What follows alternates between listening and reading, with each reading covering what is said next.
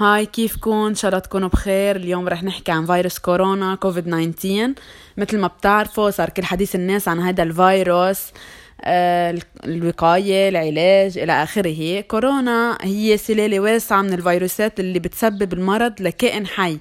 مثل الإنسان حيوان آه، ما فيها تعيش بجماد مثل الأكل مثلا. بدها مطرح تقدر تنتشر فيه.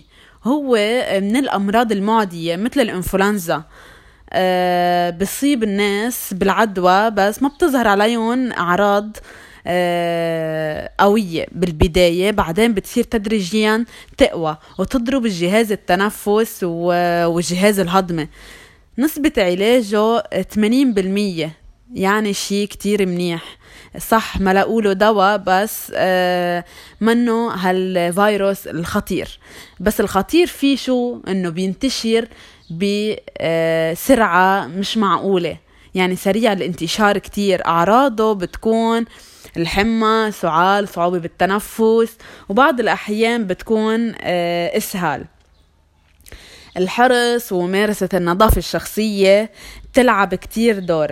يعني لازم آه عطول يكون آه في معنا تعقيم نعقم يدينا وما نظهر غير بالكمامة آه وما نروح على مطاريح فيها كتير ازدحام.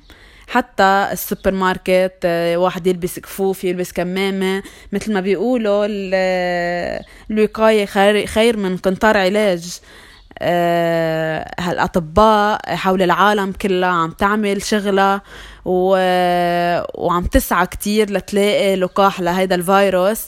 بس لأنه جديد الفيروس ما عم بيلاقوا له وصعب يلاقوا له هالسنة. عم بيقولوا قبل سنة سنة ونص يمكن ما يلاقوا فالوقاية أهم شيء لكانوا لقوا آه، دواء. بس في آه، دواء بديل تركيبي يعني بتخفف الأعراض وبتساعد على الشفاء من الفيروس. وبالنسبة للفيروس آه، بلبنان وزارة الصحة كتير عم تعمل شغلة على أكمل وجه وأكيد وزارة البلديات آه، كمان عم تعمل شغلة وزارة الداخلية آه، يعني آه، الحمد لله إن شاء الله تروح هالأزمة على خير ويلاقوا دواء لهذا الفيروس.